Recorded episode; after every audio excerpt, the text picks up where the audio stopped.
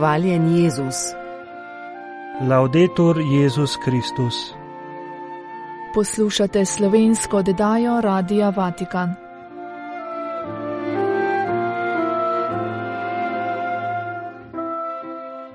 Kateheza med splošno audienco namenjena žalosti. Papež ponovno poziva k molitvi za mir. Kardinal Ju o formaciji duhovnikov, ki svetu prinašajo luč. Duhovne misli za god svete Jožefine Bakite.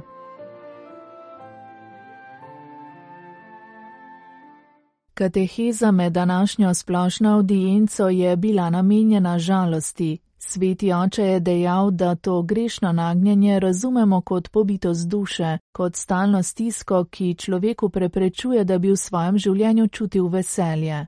Obstajata dve vrsti žalosti. Žalost, ki je del duhovnega življenja, ki pomaga na poti spreobrnjenja in vodi v odrešenje, ter se z božjo milostjo spremeni v veselje. Druga vrsta žalosti pa prihaja od hudega duha, ki dušo spravi v stanje pobitosti in proti tej vrsti žalosti se je treba odločno in na vso moč boriti.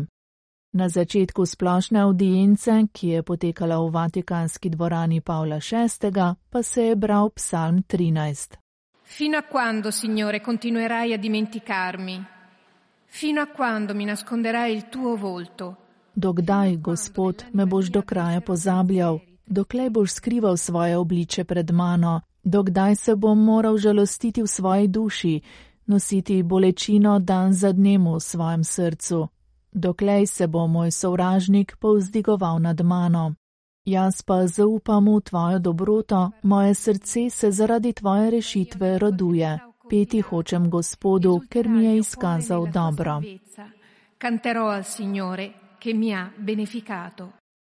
Papeževa današnja kateheza je torej bila namenjena žalosti, ki je eno od grešnih nagnjanj, o katerih je sveti oče govoril med splošnimi audiencami v zadnjih tednih. Žalost je tukaj razumljena kot pobitost duše, kot stalna stiska, ki človeku preprečuje, da bi v svojem življenju doživljal veselje. Najprej je povdaril, da so puščavski očetje v zvezi z žalostjo naredili pomembno razlikovanje. Obstaja žalost, ki je primerna za krščansko življenje in se z božjo milostjo spremeni v veselje. Te seveda ne smemo zavračati, saj je del poti spreobrnjenja. Obstaja pa tudi druga vrsta žalosti, ki se vtihotapi v dušo in jo spravi v stanje pobitosti. Proti tej drugi vrsti žalosti se je treba odločno in z vso močjo boriti, saj prihaja od hudega duha. To razlikovanje najdemo tudi pri svetem Pavlu, ki v pismu Korinčanom pravi: Žalost zaradi Boga namreč rodi spreobrnitev za odrešenje, ki se je neke samo, svetna žalost pa povzroča smrt. Obstaja torej prijateljska žalost, ki nas vodi k odrešenju. Pomislimo na izgubljenega sina iz prilike, ko pride do dna svojega propada, začuti veliko grenkobo, zaradi katere gre vase in se odloči vrniti v očetovo hišo. Ječati nad svojimi grehi, spominjati se stanja milosti, iz katerega smo padli, jokati, ker smo izgubili čistost, v kateri nas je Bog sanjal, to je milost, je pojasnil papež. Ma c'è una seconda tristezza, che invece è una malattia dell'anima. Obstaja pa še druga vrsta žalosti, ki je bolezen duše. Pojavi se v človeškem srcu, ko izgine želja ali upanje. Tu se lahko sklicujemo na pripoved o učencema na poti v Emaus. Ta dva učenca z razočaranim srcem zapustita Jeruzalem in neznancu, ki se jima v nekem trenutku pridruži, zaupata, mi pa smo upali, da je on, torej Jezus, tisti, ki bo odkupil Izrael.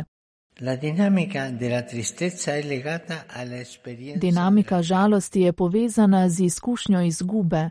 V človeškem srcu se rodijo upanja, ki se včasih razblinijo. Lahko gre za željo po posedovanju nečesa, česar ne moremo dobiti, pa tudi za nekaj pomembnega, kot je izguba naklonjenosti. Ko se to zgodi, je kot da bi človekovo srce padlo v prepad. Občutki, ki jih doživlja, pa so obup, šibkost duha, depresija, tesnoba. Vsi gremo skozi preizkušnje, ki v nas ustvarjajo žalost, se na življenje sili, da si ustvarimo sanje, ki se na to razblinijo. V takšnem stanju se nekateri po obdobju pretresov zanašajo na upanje, drugi pa se predajo melanholiji in ji dovolijo, da se razrašča v njihovem srcu. La tristezza è come il piacere del non piacere. Žalost je kot užitek v neužitku, je zatrdil sveti oče, kot da bi vzeli zelo grenki bombon, brez sladkorja in slabega okusa. Žalost je užitek v neužitku. Papež je spomnil na meniha Evagrija, ki pravi, da je cilj vseh grešnih kreposti užitek, pa naj bo še tako minljiv, medtem ko se v žalosti uživa ravno v nasprotnem, vdaja se v neskončno žalost.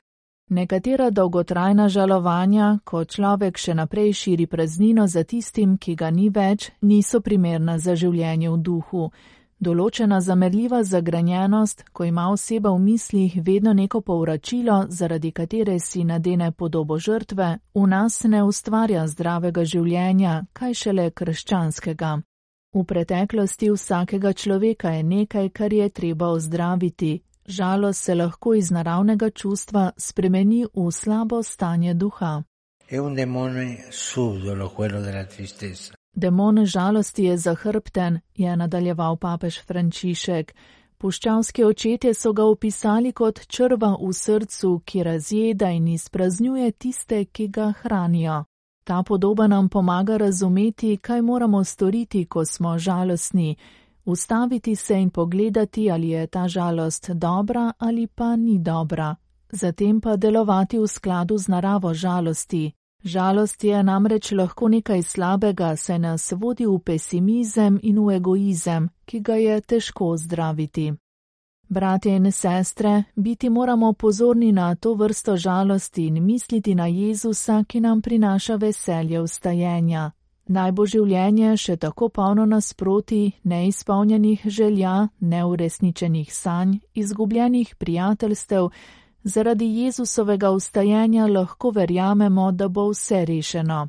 Jezus se ni ustal samo zaradi samega sebe, ampak tudi zaradi nas, da bi odkupil vso srečo, ki je v našem življenju ostala neizpolnjena.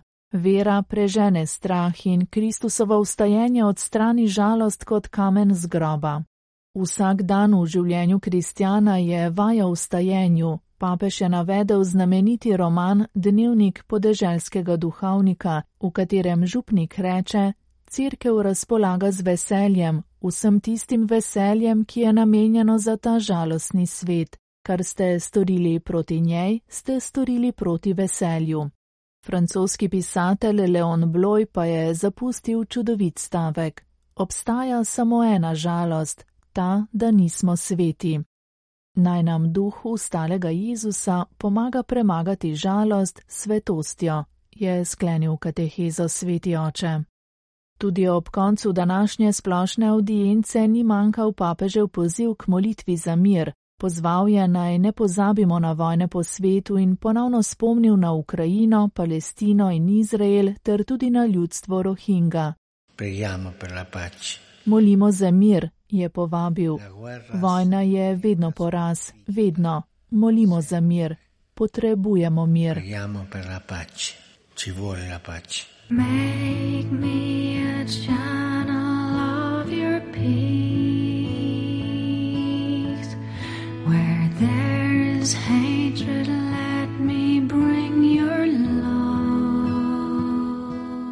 Od 6. do 10. februarja v Vatikanu poteka simpozij o trajni formaciji duhovnikov z naslovom Poživi Božji dar, ki je v tebi. Organizira ga dikasterij za kler v sodelovanju z dikasterijem za vzhodne cerkve ter z oddelkom za prvo evangelizacijo in nove krajevne cerkve dikasterija za evangelizacijo. Njegov namen pa je začeti skupni proces z vsemi krajevnimi cerkvami, ki bo omogočal boljšo trajno formacijo in spremljanje duhovnikov. Na simpoziju bodo aktivno sodelovali vsi udeleženci, saj bo predavanjem sledilo tudi delo po jezikovnih skupinah, kjer si bodo prisotni lahko medsebojno izmenjali izkušnje in razmišljanja glede predlaganih tematik. V soboto do povdanje je predvideno sklepno srečanje z zaključki treh kardinalov prefektov dikasterijev, na to pa bo sledilo evharistično bogoslužje v baziliki svetega Petra, ki ga bo pri oltarju katedre vodil kardinal Lazarus Ju, prefekt dikasterija za kler. Ta je v intervjuju za Vatikan News povedal več o simpoziju, ki se ga udeležuje okoli tisoč predstavnikov iz 60 držav. Najprej je spregovoril o tem, kako je prišlo do pobude za simpozij in kakšen je njegov namen. Če pogledamo duhovnike v današnjem svetu, razumemo, da potrebujemo podporo. Tudi sveti Pavel v svojem pismu piše, da je bil Timotej tedaj nekoliko obupan, zato čuti, da mora poživiti božji dar, ki je v njem, ter mu pravi: Poživi božji dar, ki je v tebi. Kaj ti lepota tega, da smo učenci danes, ne pride nenadoma, ampak je vedno potreben razvoj, vzgoja ter formacija, ki je celostna, skupnostna in misijonska. Duhovniki nenehno prosijo za formacijo in tudi spremljanje, da bi lahko vedno živeli v sreči in veselju. To je tisto, kar želimo. Izhodišče simpozija so rezultati ankete, ki je bila v preteklih mesecih poslana vsem škofalskim konferencam in se je nanašala na temeljni dokument o duhovniški formaciji z naslovom Dar duhovniškega poklica iz leta 2016. V nadaljevanju pogovora je kardinal Ju predstavil njene ugotovitve.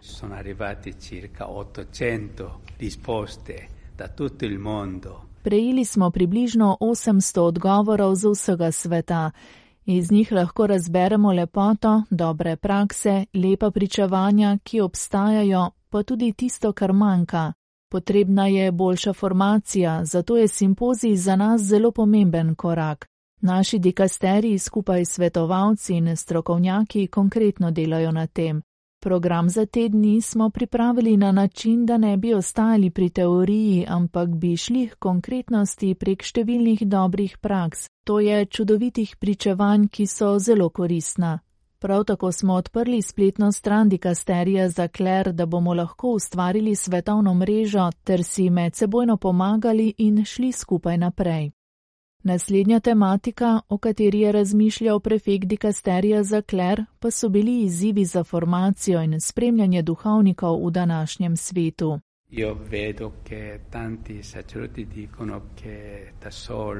Vidim, da mnogi duhovniki pravijo, da so sami. Poleg tega je današnji svet tudi zelo sekulariziran.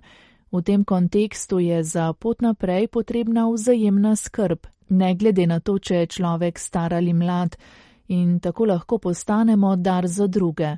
Zato morajo tudi duhovniki med seboj živeti v družinskem duhu. To bo pomagalo k skupni skrbi, hkrati pa bo tudi pričevanje za zunanji svet. To za nas pomeni sinodalna crkev, hoditi skupaj, delati skupaj, služiti skupaj. Ob koncu intervjuja je kardinal Jus pregovoril še o udeležencih in pričakovanjih glede simpozija. Pričakujemo okoli tisoč udeležencev iz več kot 60 držav. Zagotovo bo večina duhovnikov, vendar pa bodo med njimi tudi lajki, tudi ženske, ki nam pomagajo pri trajni formaciji in spremljanju duhovnikov. Papež je vedno naš vodnik in nam bo dal močno sporočilo, kako iti naprej, torej sporočilo, ki ga je treba udejanjiti. Upam, da bomo s tem simpozijem razumeli, kje smo, po kateri poti moramo iti, kakšno crkev, kakšnega duhovnika, kakšno formacijo moramo oblikovati in v tem duhu bomo šli naprej. Duhovniki bodo v svet ponesli veliko veselja in tako bo crkev postala vedno bolj srečna in pogumna, s svojim konkretnim pričevanjem bo šla še dlje. Mi pa se bomo trudili po svojih najboljših močeh. Ljudi pa prosim, naj molijo za duhovnike. Uzaj.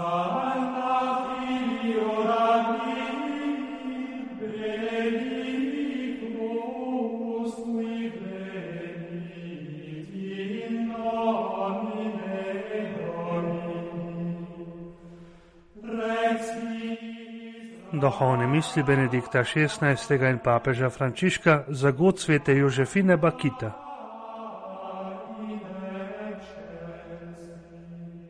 Benedikt XVI je v okrožnici rešeni v upanju sveti Jožefini Bakiti, ki je umrla 8. februarja 1947 in jo je sveti Janez Pavel II. 17. maja 1992 razglasil za svetnico, posvetil celo tretje poglavje in nam jo tako dal za zgled upanja.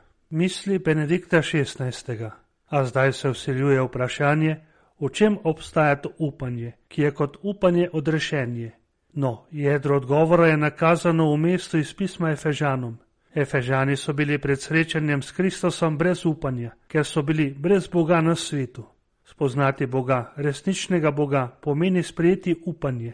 Mi, ki že odnegdaj živimo s krščanskim pojmom Boga in smo v odnosu do njega že kar utopili, komaj še dojamemo, kaj pomeni imeti upanje, ki izhaja iz resničnega srečanja s tem Bogom. Primer svetnice našega časa utegne nekoliko ponazoriti, kaj pomeni, če človek prvič in resnično sreča tega Boga. Mislim na afričanko Jožefino Bakita, ki jo je papež Janez Pavel II. razglasil za svetnico. Bila je rojena nekako, natančnega datuma ni poznala, leta 1869 v Darfurju v Sudanu. Pri devetih letih so jo trgovci sužnji ugrabili, do krvi pretepli in petkrat prodali na sudanskih trgih sužnji. Na zadnje je kot sužnja služila mater in soprogi nekega generala. Tu so jo vsak dan do krvi prebičali, od česar je za vse življenje ostalo 144 brazgotin. Leta 1882 jo je končno kupil neki italijanski trgovec za italijanskega konzula Kalista Lenjanija, ki se je zaradi prodiranja madhistov vrnil v Italijo. Tukaj je Bakita končno po tako groznih gospodarjih paronih, katerim je bila dotedaj podložna, spoznala povsem drugačnega gospodarja, ki ga je v beneškem narečju imenovala paron. Zdaj je spoznala živega Boga, Boga Jezusa Kristusa. Dotedaj je poznala samo gospodarje, ki so jo prezirali in z njo grdo ravnali ali jo v najboljšem primeru imeli za koristno sužnjo. Zdaj pa je slišala, da obstaja paron nad vsemi paroni, gospod vseh gospodov in da je ta gospod dober, dobrota sama. Izkusila je, da ta gospod pozna tudi njo, da je tudi njo ustvaril, še več, da jo ljubi. Tudi ona je bila ljubljena in sicer od najvišjega parona, pred katerim so vsi drugi paroni le ubogi služabniki. Bakito je Bog poznal ter ljubil in pričakoval. Še več, ta paron je sam sprejel nase usodo pretepenosti in je zdaj čakal na njo na očetovi desnici. Zdaj je imela upanje, ne več samo majhno upanje, da bo našla manj okrutne gospodarje, marveč veliko upanje. Jaz sem dokončno ljubljena in karkoli se mi že pripeti, ta ljubezen me pričakuje in tako je moje življenje dobro. Po tem spoznanju upanja je bila odrešena. Zdaj ni bila več sužnja, marveč svoboden otrok Boga. Bakita je razumela, kar je povedal Pavel, ko je Efežane spomnil na to, da so bili prej na svetu brez upanja in brez Boga. Brez upanja zato, ker so bili brez Boga. Zato se je branila, ko so jo hoteli poslati v Sudan. Ni bila pripravljena, da bi jo še enkrat ločili od njenega gospoda Parona. Dne 9. januarja 1890 je bila po rokah beneškega patriarha krščena in birmana ter je prejela prvo sveto obhajilo. Dne 8. decembra 1896 je v Veroni naredila za obljube pri sestrah iz Kanose. Odtlej je, poleg svojih opravil v zakristiji in v samostanski vratarnici, skušala predvsem na različnih potovanjih po Italiji spodbujati k misijonske dejavnosti. Osvoboditev, ki jo je sama prejela po srečanju z Bogom v Jezusu Kristusu, je morala podarjati naprej. Ta osvoboditev mora biti podarjena tudi drugim, kolikor je mogoče mnogim. Upanja, ki se je rodilo v njej in jo je odrešilo, ni smela obdržati zase. To upanje je moralo priti k mnogim, k vsem.